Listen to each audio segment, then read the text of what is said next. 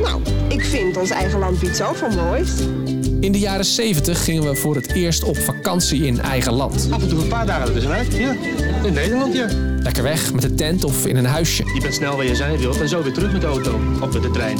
Inmiddels zijn we zo'n 50 jaar verder en telt Nederland meer dan 5000 vakantieparken. Iets meer dan 300 daarvan liggen in de provincie Overijssel. Fietsen, wandelen, wel eens een bungalow gehuurd.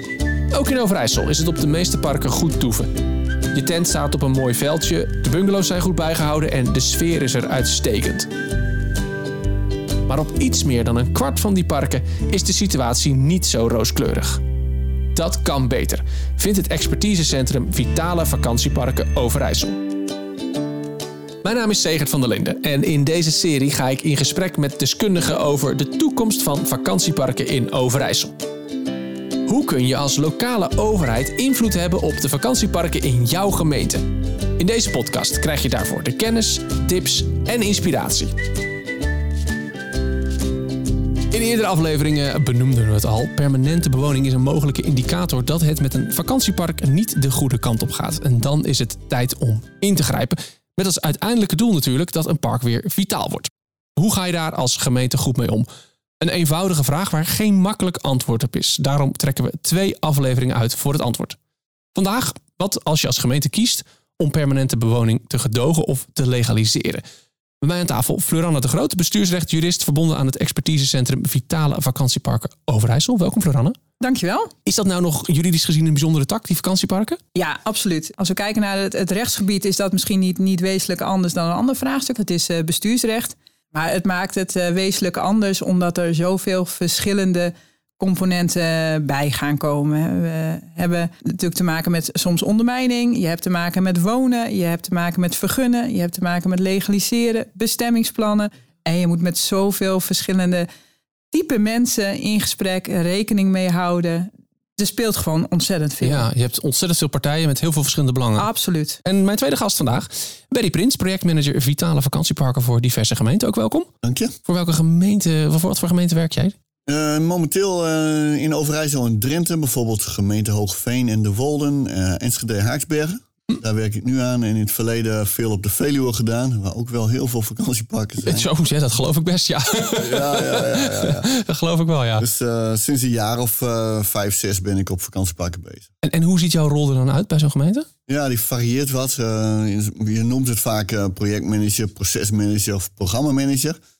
Maar eigenlijk is mijn rol om intern de juiste mensen enthousiast te krijgen en uh, te betrekken. En extern vooral met heel veel parken en parkeigenaren en individuele eigenaren in gesprek te gaan om te kijken wat willen ze nou, wat is hun perspectief en hoe kom je daar dan? Jij bent eigenlijk een beetje zo'n spin in het web, zeggen ze dan. Dat staat, ja. dat staat in de vacature dan. Ja. Floran, ik ga bij jou dit gesprek even beginnen.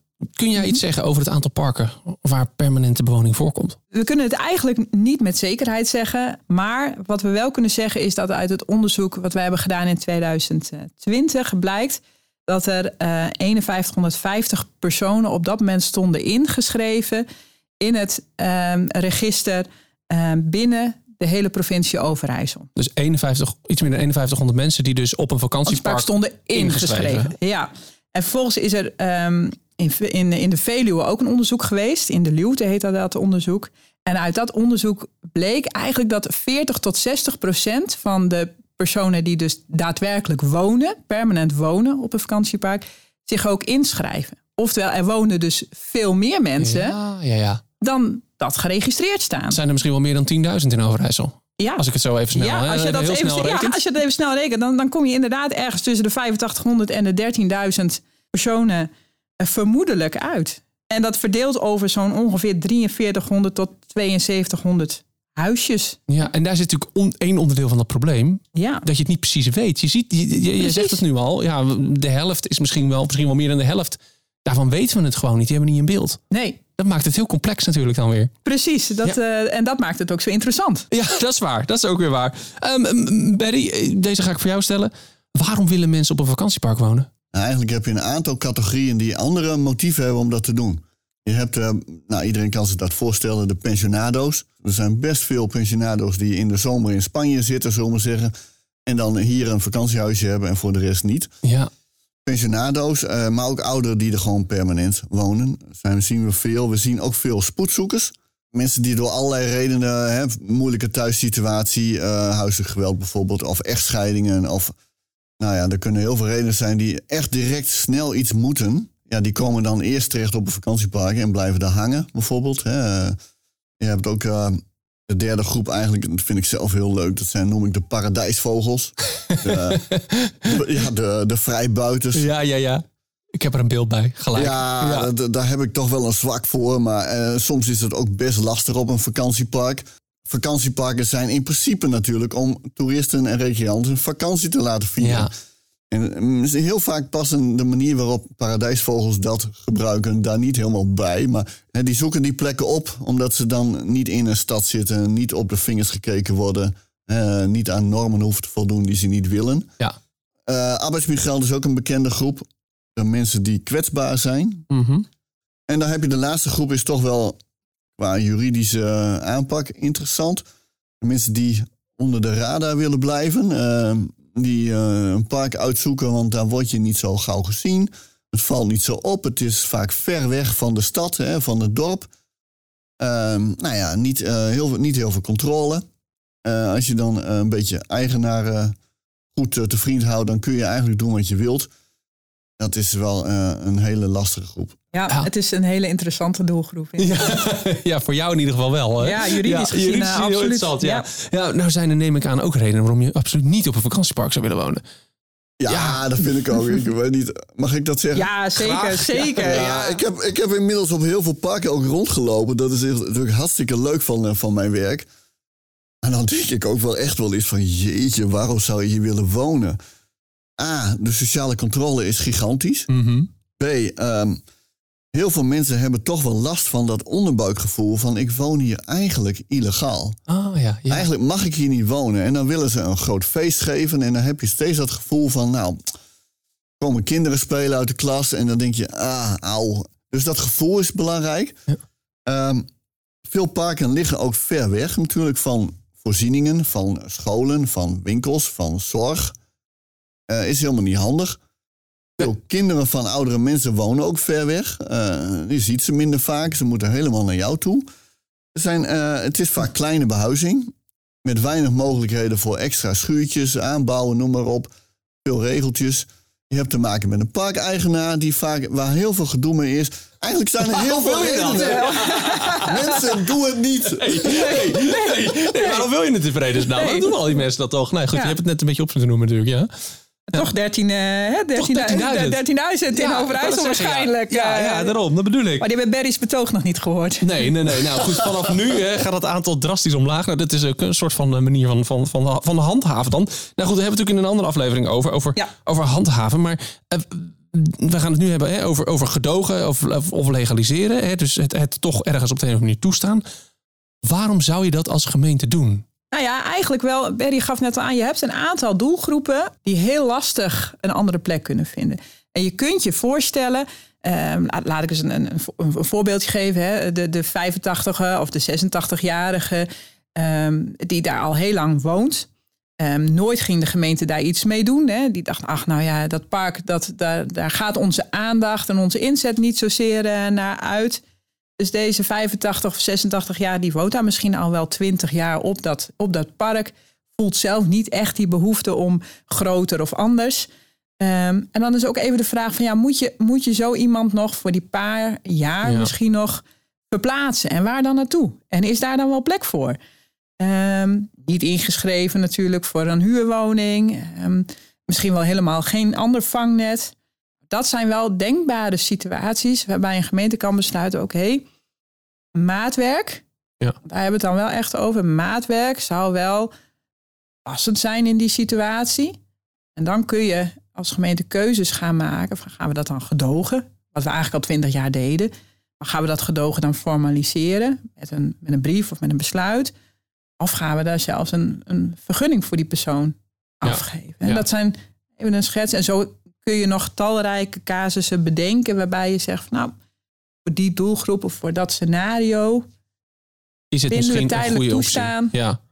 een Ja. betere optie dan handhaven. Ja, want waarom zou je dan toch willen gedogen? Dat heeft ook wel te maken, naast wat Fleur Anders zegt, dat is natuurlijk heel belangrijk. eh, maar dat eh, vanuit de historie, eh, bij heel weinig gemeenten is de aandacht geweest voor die vakantieparken. En vanaf de jaren 2000, ongeveer al 2003, is dat wel wat eh, opgerakeld. Maar is er eigenlijk nooit echt iets actief Nee. gedaan. En mensen hebben het idee van, ik woon hier al 20 jaar, Ja. 30 jaar. eh, moet ik dan nu nog weg? En dat kan best een reden zijn om dat wel te gedogen. Hè, onder, met maatwerk misschien. Een andere reden kan ook zijn dat sommige parken liggen gewoon aansluitend aan bebouwing. Aan een, toch wel. Het ligt niet allemaal in het bos, eh, ver weg. Ja, en dan is het dan heel erg om de mogelijkheden die je hebt te gebruiken om mensen te laten wonen. Want alternatieven zijn er vaak ook niet Nee, nee, op de woningmarkt. Dus er kunnen wel een aantal redenen zijn waarop je toch zegt van nou laten we dat dan toch, misschien wel tijdelijk, maar Ja. laten we dat dan to- toch gedogen. Nou ja, waar wij het ook al wel eens eh, met elkaar over hebben gehad. Er, ehm, dat, is niet een onderwerp waar we het vandaag heel uitgebreid over gaan hebben. Maar soms kiezen gemeentes ook voor transformatie. Hè? Dus het omzetten van een recreatiepark naar permanente eh, bewoning. Hè? Ja. Dus het, echt het omzetten van het hele bestemmingsplan. En dan kun je natuurlijk er ook voor kiezen om in de aanloop, want dat ga- gaat tijd kosten, daar moet van alles voor geregeld worden. Misschien moet de infrastructuur anders.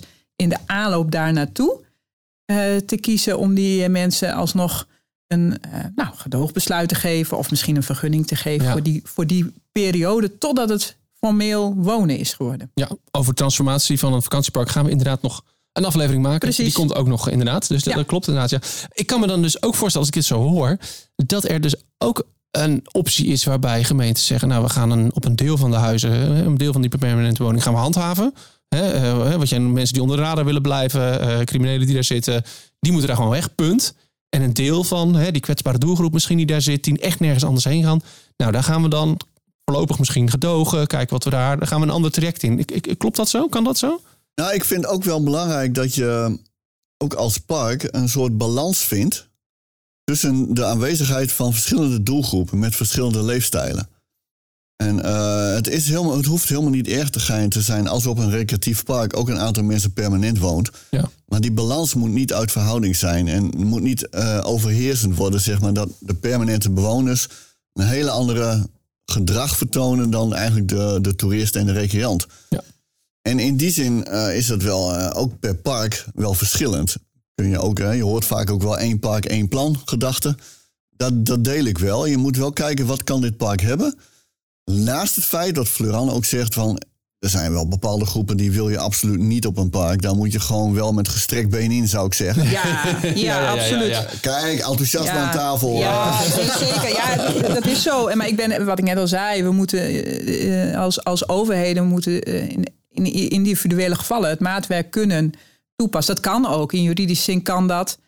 En, en eh, daarbij moet je zeker die belangen wegen, die Berry net schetst. Ja, het moet niet doorslaan aan de ene kant. Nou, la- laten we daar eens wat over gaan zeggen. Want Ja. stel je bent in, eh, zit in een gemeente en je hebt een park en je constateert daar wonen mensen, permanente bewoning. Ja. En we weten niet zo goed wat we mee om willen gaan, maar misschien willen we dan nu wel gedogen of willen we het legaliseren.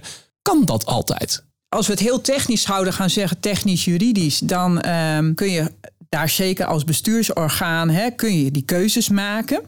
Eh, maar je hebt eh, natuurlijk ook eerder al eens besloten dat een recreatiepark een recreatiefunctie heeft. Hè? Dus dat is in het bestemmingsplan zo geregeld.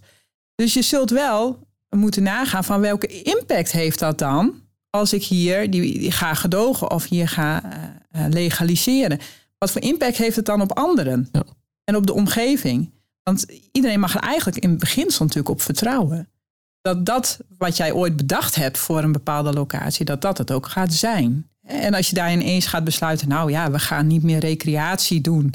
eh, maar eh, die mensen mogen er allemaal wel blijven. En daar doen wij verder niks aan. Hè, wat gedogen eigenlijk een beetje is. Ja. Door de vingers zien. Ja, ja, hè. ja, ja, ja. Ehm, ja, dan kan dat wel degelijk natuurlijk van invloed zijn op, op, op mensen daaromheen. Die zeggen, ja nee, eh, ik, ik wil hier alleen maar recreëren. Ik zit daar niet op te wachten, wat Barry ook al schetste. Ja. Dus je zult die belangen wel mee moeten. Maar het kan wel. Je hebt als gemeente wel keuzes. Je hebt Mits je altijd- dat maar altijd- goed altijd kunt opties. motiveren. Juist, je hebt altijd ja. opties. Ja, ook daar zul je moeten kijken naar het park, vind ik hoor. Want er zijn eh, echte toeristische parken met allerlei voorzieningen.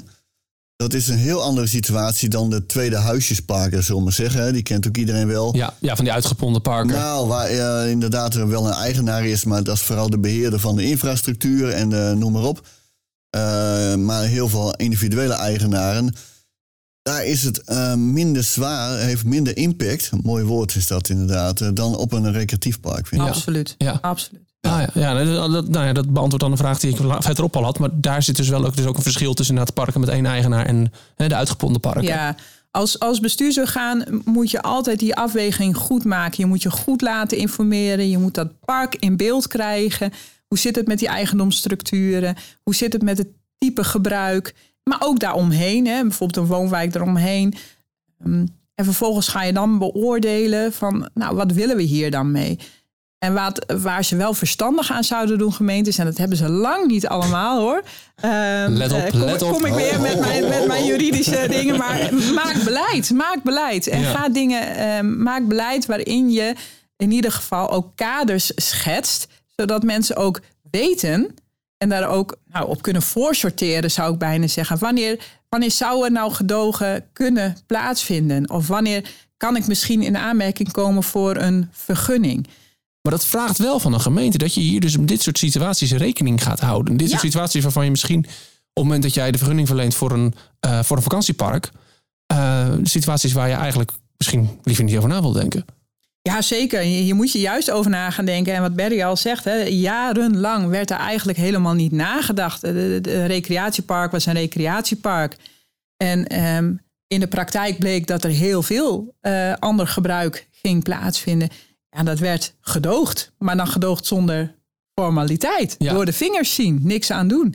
Als je dan nu wat wilt gaan doen, dan verdienen die mensen ook wel dat er duidelijkheid komt. Wat zijn dan die regels? Waarom gaan ze er wat aan doen? En wie vallen dan onder die regels? Ja. Want als je na twintig jaar ineens te horen krijgt van ja, het is exit. eh, daar komt je ook rauw op het dak als er twintig jaar niks werd gedaan. Ja, en aanvullend daarop, eh, kijk, het biedt je ook mogelijkheden om voorwaarden te stellen aan de huisvesting bijvoorbeeld Precies. en aan de situatie. Want je mag best, vind ik dan in de praktijk, doe ik dat. Ik weet helemaal niet of dat mag trouwens. Maar eh, zeg ik van, nou weet je, als mensen zeggen ik wil hier wonen tijdelijk eh, en dat is een oude caravan, ik benoem het maar even, dan gaan we daar niet mee akkoord. Er zijn wel bepaalde voorwaarden. Het moet wel echt een huisje zijn. Het moet veilig zijn. Het moet hè, aan bepaalde eisen voldoen. Eh, en daar gaan mensen in de praktijk ook wel mee, mee akkoord. Die snappen dat ook wel. Ja. Maar dan heb je iets meer zekerheid ehm, dat het ook betrouwbaar is en ook veilig is. Want er zijn best wel situaties in de praktijk dat je echt schaamt van waarom wonen hier mensen? Dat kan echt niet. Hè? Achteraf in een slecht, ondeugelijk eh, eh, nou ja, Ja. unit. Dus je kan ook voorwaarden scheppen, wat heel voordelig is. Ehm, je kan ook eh, monitoren. Ja. Want je maakt vooraf die afspraken. Je mag voor een half jaar bijvoorbeeld onder deze voorwaarden, met deze redenen, mag jij daar wonen. Ja. Met akkoord van de eigenaar. Nou, dat is ook belangrijk. Heel belangrijk Ja, om nee, dat- ja. want al die inschrijvingen die Floranne net noemde. Dat zo, ik heb, ken één situatie waarin er 436 mensen stonden ingeschreven op één Adres. huisje. Ja, Op één ja, huisje? Op Wordt één wel huis. heel vol, hè? Hè? Nou ja, die mensen schrijven zich aan natuurlijk nooit meer uit. Nee. Maar dat wordt gewoon misbruikt. Dus hoe betrouwbaar zijn die cijfers dan? Hè? Dus eh, dan heb je veel meer controle. Heb je inzicht. Wat is het allemaal? Dus heel veel voordelen om dat gedoogbeleid te maken. En je eigen voorwaarden helder te hebben. En daar ook capaciteit op te zetten om dat eh, te monitoren. En Ja. Te kijken van wat voor effect heeft het dan? Maar het, het helpt al inderdaad als je beleid maakt. Want Berry zegt, ik weet eigenlijk ook niet of dat mag, hè, als ik die regels stel. Dat is. En, eh, ja, dat is dan weer aan mij. Dat is altijd wel leuk. Dat mag, dat mag, dat mag zeker. En eh, eigenlijk zou ik, eh, ik ben er soms wel eens wat, wat te duidelijk of te direct in, maar ik vind ehm, eh, dat het zelfs moet. Je moet als gemeente wel nagaan denken. Oké, als ik zeg dat mensen hier mogen wonen, dat je ook nadenkt, is het dan brandveilig? Ja, ik vind het eigenlijk Ehm, heel realistisch dat Voldoet je het aan het bouwbesluit? Ja. Of stort het misschien ieder moment in? Ehm, als hier kinderen gaan wonen, eh, ehm, eh, hebben die dan, wordt er gekookt op gasflessen? Of is er eh, eh, mogelijk eh, vergiftiging, Ik, ik, koolmonoxidevergiftiging? ik woon in een gewoon rijtjeshuis. Ik moet ook aan bepaalde eisen Ja, voldoen. precies. Weet je? En als ik een dakkapel wil plaatsen, moet ik ook een vergunning aanvragen. En eh, Ja. dat snap ik. Dat vind ik ook Nou is het wel zo dat in beginsel toen in 2003 hè, want eh, dat is een belangrijke datum. Hè? 31 oktober 2003 is zo'n datum. Dat, dat komt voort uit dat de toenmalige minister toen besloot van nou, dat mag. Gemeentes mogen dus ervoor gaan kiezen om te gaan vergunnen bijvoorbeeld. Of te gaan gedogen. Toen werd er in beginsel gezegd, nou, als je dan wilt vergunnen, dus legaliseren met een vergunning, nou, dan moet het wel 100% voldoen aan het bouwbesluit. Dus aan jouw rijtjeshuis. Ja. Nou, je kunt je ook voorstellen dat een, een groot deel van die recreatiewoningen daar nooit 100% aan kan voldoen. Nee. Want je zit ook bijvoorbeeld met hoogtes en ehm, nou, andere, andere vraagstukken die niet per se van belang zijn voor veiligheid, maar dat nou eenmaal regels zijn voor de bouw van een huis. Ja, ja. Nou, in, in de loop van de jaren is dat wat. ehm, is dat wat afgezwakt. En is er ook vanuit het ministerie richting de gemeentes gezegd, nou, zo strikt hoef je dit eigenlijk ook weer niet te lezen. En dat maakt ook dat de beleidsvrijheid van die gemeentes wel zo is geworden. ehm, dat je dus ook kunt gedogen, dan wel kunt vergunnen Ja. als het niet 100% voldoet. Mits het wel veilig is. ja. Dus als veiligheid in het geding komt, dan gaat dat niet. En dat geldt voor vergunnen. Ja, en dan zou ik zeggen, wat is het nou het verschil vergunnen of gedogen als het gaat om uiteindelijk het fysieke, hè, dus het wonen aan zich? Dan moet je eigenlijk dat in je daarin net zo goed gaan toepassen. Want je wilt niet dat, dat er een gezin komt wonen en dat er ieder moment eh, die caravan eh, de lucht in kan vliegen. Nee. Ja. Terwijl dat, dat je dat eerst hebt toegestaan. Ja. Nou hebben we het de hele tijd noemen het woord gedogen. Is, zit er dan nog juridisch echt een verschil voor gemeentes tussen gedogen en vergunnen? Ja, er zit een heel groot verschil in. Gedogen, ik noemde het net al, hè, is eigenlijk iets door de vingers zien. Ja. Dus ehm, daarmee zeg je eigenlijk, we- vinden dat het niet mag. Dat, dat, dat, dat staat ergens, onder andere vaak in je bestemmingsplan. En daarnaast zeg je dan, maar u mag voor een bepaalde periode daar blijven zitten en we handhaven daar niet op. Dat is eigenlijk wat gedogen Ja, is. Hè? ja. Dus je zegt eigenlijk, het mag niet, dat weet u ook. Wij weten Maar het ook. in die periode, met een einddatum doorgaan, zeg je, gaan we niet bij u handhaven. Dus hoeft Ja. u niet te vertrekken. Daar zit een heel groot knelpunt. En dat grote knelpunt is dat gedogen sinds een aantal jaren niet formeel een besluit is. Dus het, wij noemen het gedoogbesluit, Ja.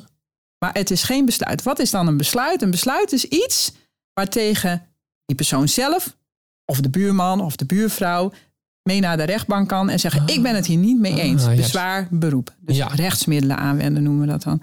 Dat betekent dat eigenlijk dat briefje niet zo heel veel waard is. Ja. Want als je niet kunt zeggen: Ik ben het niet met dat briefje eens.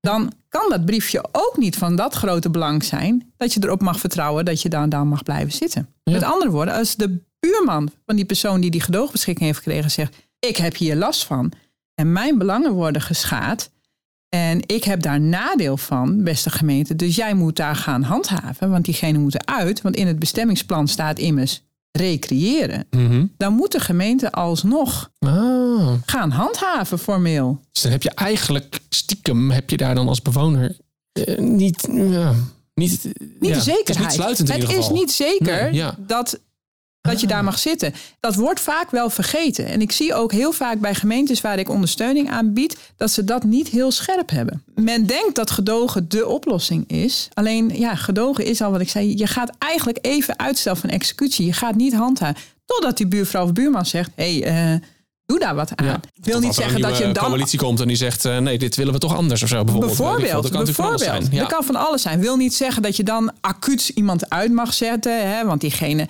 eh, mag er ook weer op vertrouwen dat als je daartegen zegt... ik ga niet bij u handhaven, dat je dat dan ook niet direct doet. Ja. Maar in beginsel moet je dan toch handhaven. Ja, dat staat ja. voor.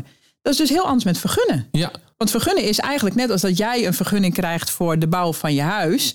Als jij gaat vergunnen, dan geef jij iemand dus echt een besluit, een document. waarin staat dat diegene legaal voor een periode daar mag wonen. Dus dat is dan niet meer door de vingers zien. Dat is gewoon, u mag hier tot die datum wonen. En daar, en daar kan de buurman dan wel bezwaar tegen maken. In de- Zeker. Er zit natuurlijk een bezwaarprocedure aan, maar op een gegeven moment is dat Is dat eindig. En als eindig? dan uitgesproken wordt, het is oké, dan, dan is het ook Dan gewoon is zo. dat punt. zo. Dan Ja, is dat zo. ja, ja. Voor die periode. En dan kun je ook niet als gemeente zomaar zeggen. Oh, we hebben een nieuwe coalitie of we hebben een nieuw plan. Hé, hey, eh, we trekken die vergunningen Ja. in. Nee. Nee. Ja, en wat het nog ingewikkelder maakt voor burgers zelf, eh, is het feit dat eh, er ook nog sprake kan zijn van een persoonsgebonden gedoogbeschikking Zeker. of een objectgebonden beschikking, dus op het pand zelf. Mhm. Dat er ook sprake is dat mensen soms al twintig jaar ergens wonen zonder dat er überhaupt iets is geregeld, maar dan zelf denken van, dan zal ik inmiddels wel daar recht op hebben. Ja, Ja. ja. Dat er soms tussentijds wordt gehandhaafd, maar dat weer wordt stopgezet. En er ontstaat eigenlijk een hele eh, bizarre lappendeken van situaties die voor mensen helemaal niet meer helder is. Klopt. Ehm, waar zij zelf dan een conclusie uittrekken van nou, dan eh, zal het nu wel goed komen. Het zal wel goed zitten nu. Dus het maakt het voor gemeenten ook heel complex om dat wel aan te Ja, pakken. ja, ja. Eh, en eh, heel erg ook wel individueel het geval. Je moet gewoon in gesprek om uit te leggen hoe het nou zit. Zeker, En ja. dit is al, nou, juridisch heel logisch misschien, maar voor mensen bijna niet te begrijpen al. Nou, voor mij is dit al iets. Dus heel Is, technisch. is al even. Denk, oh, dus Ja. het is pas toen jij het voorbeeld ging geven van die buurman. Dat ik dacht, oh, maar zo werkt dat dus. Ja. Dat is dus het grote verschil. Ja, Ja. misschien Ja. wel ook een voorbeeld wat, wat gewoon werkelijk speelt eh, ja, ook, is eh, wat voor effecten kan hebben op een vakantiepark. Ik zal niet noemen waar, maar eh, ruim 100 woningjes. Mhm. Heel veel uitgepompt, bijna allemaal individueel. 80% woont daar, al heel lang. Eh, en daar eh, is eh, sprake van een transformatieproces, al jaren. Dat duurt allemaal heel lang, het is heel complex. Maar dat is al vrij ver gevorderd. Alleen er zijn een aantal mensen recreatief en die willen dat niet de hebben, dat het transformeert naar een woonbestemming. Dus een vergunning. Ehm, en één ehm, een persoon heeft dan ook een handhaafverzoek ingediend. en waar later, later heeft hij daar een rechtszaak van gemaakt. Maar nu dreigt dat eh daaruit komt dat toch wel de handhaving moet worden opgestart door de gemeente. Ja. Waarop je dus al die andere huishoudens een procedure moet aanspannen tot handhaving. eh, zijnde, je moet die strijdigheid oplossen. Wauw. Nou, hoe doe je dat in de praktijk? Terwijl je eigenlijk dus als gemeente ook al bezig bent met een proces waarin je zegt, we willen juist die permanente bewoning daar gaan eh, toestaan. Legaliseren. Ja. Exact. Wauw. Jeetje, oké. En dat maakt dus dit vraagstuk Ja. ontzettend complex. En, en daarom pleit ik er altijd wel voor eh, om, om met elkaar daarover te gaan, in gesprek te gaan. eh, gemeente, eh, park, eh, bewoners. Maar ook als gemeente wel de lead te nemen. Dus wel die kaders en die duidelijkheid. Wat Berry ook zegt, het wordt soms zo'n lappendeken. Ja. En die rechtsonzekerheid waar mensen dan in gaan verkeren. Dat, dat is afschuwelijk. Je Ja. kunt beter slecht nieuws krijgen. eh, maar weten waar je aan toe bent. Dan, dan dit soort situaties eh, gaan krijgen. Ja. Dus ehm, ja, ik zou wel denken van zorg dat je het beleid op orde hebt. En verleen desnoods eh, 80 eh, tijdelijke vergunningen. Maar dan weten die mensen van oké, dan hoef ik er nu niet uit. Ja, ja. En dan weet de andere En dan weten anderen, mensen weten ook, hey, oké, die zijn vergund, daar kan ik tegen een bezwaar en beroep, ben ik het niet mee eens. Maar dan heb je het wel geformaliseerd. En vaak zie ik dus dat in de aanloop van die transformatieprocessen het niet geformaliseerd Ja. wordt. En dan toch gekozen wordt voor gedogen. Vaak zelfs dus zonder gedoogbesluit of gedoogbeleid. ja, Met de gedachtegang, we zijn met elkaar in gesprek en het komt wel goed. ja, En, en wat daar ook eh, eh, heel belangrijk is, vind ik dan om het gesprek, hè, wat je noemde, is super belangrijk. Want wat je kunt proberen is bij beide verschillende belangen, hè, van de recreant en van de persoon die daar graag permanent wil wonen, een woonbestemming wil, of een, le- een legalisatie wil, beide belangen toch te onderzoeken van waar zit de angst, waar zit de zorg, eh, vanuit de vraag hoe wil je dan hier verblijven, CQ wonen. ja. En daar kun je best bij elkaar komen. Want mensen willen vaak wel hetzelfde, namelijk parkachtig wonen. Wonen op een park, eh, in het groen, eh, met de vogeltjes en de diertjes om Ja. je heen. En dat willen beide partijen. En dat is voor mij vaak de aanleiding om daarna te zoeken. En te kijken, kan ik niet iets vinden waar beide partijen blij van worden? Maar bijvoorbeeld dat voorbeeld dat jij schetst. Dat klinkt, eh, als jij het zo schetst, hè, klinkt het als een soort padstelling. Deze twee partijen staan lijnrecht tegenover elkaar. Ehm, daar komt geen vogeltje tussen. Wat daar nu letterlijk gebeurt is door de gesprekken, en ook wel in, in groepjes en ook wel centraal en ook individueel, dat een aantal mensen die recreatief daar verblijven en willen verblijven, straks ook nog, zeggen van ja, maar als het op die manier kan, dus echt met groen en een kwaliteitsimpuls, met een mooie landelijke inpassing en eh, eh, voorkomen van vergunningsvrij bouwen, bijvoorbeeld, hè, de, Oh, de ja. uitwassen. Ja. Het, het wordt geen gewone woonwijk. Die worden daar eigenlijk heel blij van. Want hun angst was, als hier een woonbestemming komt, dan geldt wat in een woonwijk mag. Eh, En dan ben, dan ben ik mijn, mijn, mijn rust kwijt. Dan gaat het hier de hoogte in en de, de ruimte wordt ingepikt. Dat is dus niet de bedoeling. En heel veel recreanten die zijn dus best blij met dit plan. Want het voordeel is, als dat wordt vastgelegd in een nieuw een bestemmingsplan, wou ik zeggen, maar dan wordt een omgevingsplan. Omgevingsplan, Maar dat ja. is hetzelfde ongeveer, zullen we zeggen. Klopt. Dan geeft dat mij zekerheid voor de toekomst. Ook Ja. als een huisje wordt verkocht. Precies. Dat ik weet waar ik aan toe ben en Ja. wat er wel en niet mag. Ja. Dus eigenlijk ligt daar de oplossing. Floranne, we hebben het nu uitgebreid over gedogen. We hebben het over legaliseren, vergunnen. Ehm, dat is duidelijk, daar kan een gemeente voor kiezen. Maar daar zitten, neem ik aan, ook risico's aan. Ja. kun je daar iets over zeggen?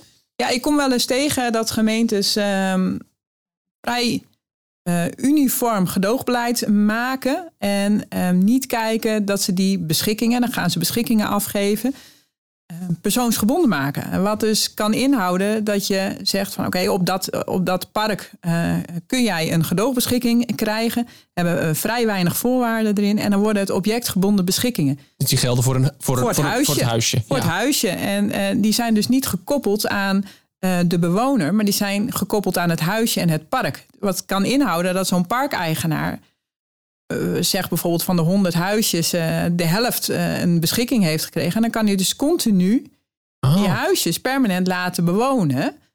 En dan zit eigenlijk de regie bij die parkeigenaar, maar dan ben je dat als gemeente compleet kwijt. ja.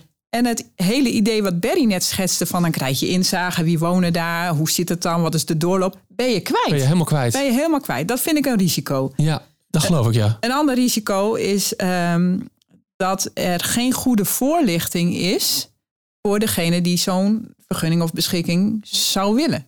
Mhm. Dus die denkt van, oh nou, ik krijg, ik krijg dat. ja dan, en dan heb je het dus over zo'n persoonsgebonden. Hè? Die, Persoonsgebonden. Die aan, aan de ja, laten we even gekoppeld van is. uitgaan dat we die objectgebonden helemaal niet Die willen. doen we niet. Die doen punt. we niet. Nee.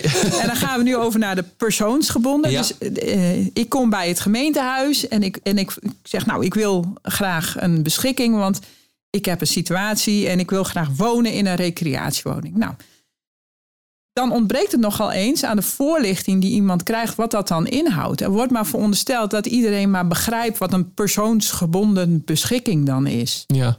Nou, stel nou dat ik daar ga wonen en ik heb eh, kinderen en die mo- mogen die daar dan bij wonen of niet, dat weet ik helemaal niet. Ik veronderstel dat gewoon. Ja. Nou is het doorgaans wel zo dat kinderen daar ook bij mogen wonen. Hè. De rechter heeft daar wel uitspraak over gedaan, dat mag. Mhm. Eh, mits ik daar ook blijf wonen. Maar Ja, ja. wat nou als ik besluit, als stel ik ben gescheiden en ik krijg weer een nieuwe relatie en mijn kind is eh, 18 en die wil ook wel op zichzelf. Ik vertrek, ik ga bij mijn nieuwe relatie wonen. Ik denk, nou, eh, mijn, mijn dochter of mijn zoon, ach, dan kan jij daar mooi blijven ja, zitten. lekker. Kan toch prima, want we hebben die beschikking. Top. Ja. Ja. Helaas gaat dat dus niet op. Ja, ja, ja. En daar ontstaat ehm, vaak een conflict, een probleem. En dat heeft er helemaal niets mee te maken dat ik of mijn kind die daar dan blijft in de weerstand schiet omdat hij niet wil. Maar meer omdat ze het niet weten. Ja. Omdat de voorlichting niet goed is. En dat zijn toch wel vragen ehm, waar risico's in zitten. Dat degene die de persoon gaat informeren over de mogelijkheden van permanent wonen of tijdelijk permanent wonen, de juiste informatie moet gaan verstrekken. ja, ja. Zorg dat mensen Zorg weten dat waar mensen ze aan weten beginnen. waar ze aan beginnen. Ja. Zorg dat mensen ook weten dat daar consequenties aan verbonden zijn. Nee, je hoort ook heel vaak mensen zeggen: ja, maar de gemeente heeft het altijd gedoogd. Want ze zijn nog nooit langs geweest de afgelopen tien jaar. Dus dan mag het nu Dan niet meer. het. Maar dat is niet zo. De gemeente heeft gewoon niet gehandhaafd. Dat is iets heel anders. Ja. Dat is iets- maar dat is al lastig uit te leggen. Maar dat is echt anders dan niet gedoogd, of wel gedoogd. Het is niet gedoogd. U, heeft u een vergunning? Nee. Heeft u een beschikking? Nee. Dan is het Dan niet mag het gedoogd. dus niet. Dan woont u toch illegaal. Ja, En ze denken ook wel aan, dan mag de gemeente dat nooit meer doen. Hè? Want dan is het verjaard. Ja, het verjaart nooit. nee. En dat zijn allemaal van die aspecten. Duidelijkheid bieden, ja, is echt noodzakelijk bij dit soort hele complexe vraagstukken. En ik, ik zie in mijn advisering bij gemeentes vaak dat men denkt, gedogen en vergunnen een heel makkelijk onderwerp. Oh, dat doen we. Dan zijn we er even weer van af. ja, want dan ja. hoeven we niet te We handhaven. Want handhaven is eng en moeilijk. Mhm. Maar eigenlijk is gedogen en vergunnen vele malen complexer en vele malen moeilijker en uit te En leggen. levert het veel ingewikkeldere situaties op. Ja, absoluut. Ja, absoluut. Eigenlijk is het grote probleem, en dat is eigenlijk waar we net al mee begonnen, ook die onzekerheid. Ja. Dat is eigenlijk, als ik het zo hoor, is dat, is dat de angel in heel veel van deze situaties. Oh, absoluut. Van, van, de mens, geanalyseerd. van de mensen, van de gemeente, van de, Ja. de, de omwonenden van zo'n park. Al die onzekerheid. Wat gaat hier nou gebeuren? Wat gebeurt er nou precies? Wat is er aan de hand? Hoe ziet mijn toekomst eruit? Hoe ziet de toekomst van mijn omgeving eruit? Ja. Daar zit dat grote probleem. En, En bij onzekerheid gaan mensen in de weerstand. Precies. Dan Ja, liever automatisch. Niks. Ja. Automatisch. Ja. Ja. ja. Ja. dus eigenlijk is... En denken uit hun eigen kader dan. Ja, Ja. En dat is heel logisch. en dat is heel logisch. Want als jij geen kaders krijgt van die gemeente die zegt: oké, dit zijn onze besluiten. En dat zijn de kaders in de basis. En laten we nou eens met elkaar in gesprek gaan. Wat, wat Perry ook zegt. Wat zijn, jouw, wat zijn jouw belangen? Wat zijn, en laten we dat dan met elkaar eens gaan vastleggen. En dan worden dat weer uitgangspunten. En uiteindelijk komt daar beleid uit. Als je dat allemaal niet hebt. Ja, maar ik wil ook even, want jij wijst toch wel weer naar de gemeente. Ik denk dat het ook een heel goed samenspel moet zijn met een eigenaar, of Oh, zeker. de eigenaren. Ja, ja, ja. CQ de VVE's, Vereniging van Eigenaren. Ja. Eh, want anders kom je er zeker niet uit. Nee, en, en daar zeker. moeten ook kaders vandaan komen. Want de gemeente is natuurlijk, ik ben geen jurist, maar publiekrechtelijk verantwoordelijk voor het rijden en zeilen. Maar een eigenaar, CQ-eigenaren, zijn privaatrechtelijk verantwoordelijk. En die maken allerlei, soms hele rare eh, overeenkomsten en afspraken met elkaar. Dat je denkt, oh wee, wat enorm erg, want hier kom je nooit uit. En dat moet eigenlijk een gezamenlijke aanpak worden. Ja. Dat je hetzelfde doel hebt, hetzelfde perspectief en elkaar aanvult in die afspraken. Ja. Dat is het mooiste als je dat voor elkaar krijgt. Ja, dus de crux is weer, ga met elkaar in gesprek. Schep die duidelijkheid. Weet van elkaar wat je wil, wat je verwachtingen zijn. En ook absoluut natuurlijk wat je niet wil. En begin vanaf daar. Ja, En dan moet je als gemeente op een gegeven moment gaan zeggen... oké, wat gaan we doen? We gaan handhaven, we gaan gedogen, we gaan eh, legaliseren. We gaan zeker. naar Ja. een transformatieproces toe. We- eh, nou ja, allerlei Ja, opties. En daarmee, Ja. daarmee eh, zwengel je wel weer een pijnpunt aan. Want dat is, je hoort het al jezelf zeggen, denk ik, dat is intensief. Hmm, Dat ja, kost veel gelijk. Ja. energie, dat kost veel capaciteit. Ja, Die is er helemaal niet.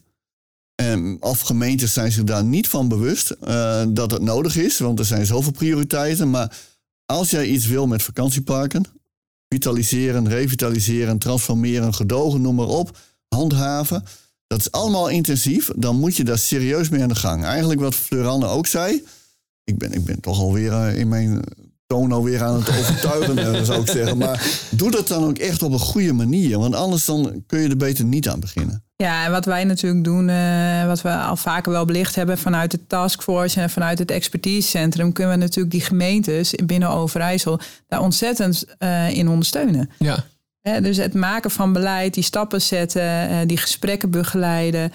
maar vooral ook inderdaad daarna het, het formaliseren daarvan. Ja, wij we hebben zoveel ervaring en we hebben zoveel voorbeelden al liggen. Gaat juist ook wel weer eh, eh, die angst voor het capaciteitsprobleem. Kunnen we daarmee ook misschien wel een heel groot stuk eh, gaan wegnemen. Ja. Door- Dus door voorbeeldbeleid aan te bieden. Het is niet de eerste keer natuurlijk dat wij dit doen.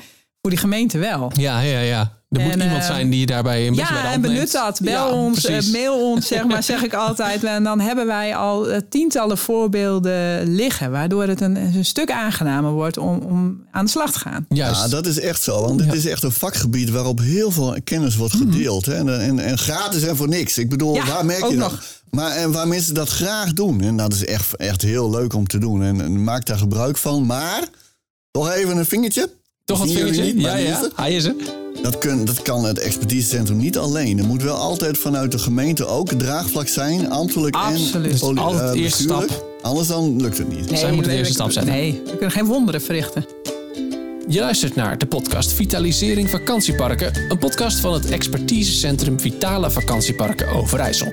Mijn naam is Zegert van der Linden. Wil je meer weten over de onderwerpen uit deze aflevering? Kijk dan in de show notes of op expertisecentrumoverijssel.nl. Over twee weken staat er een nieuwe aflevering voor je klaar. Bedankt voor het luisteren en graag tot de volgende aflevering.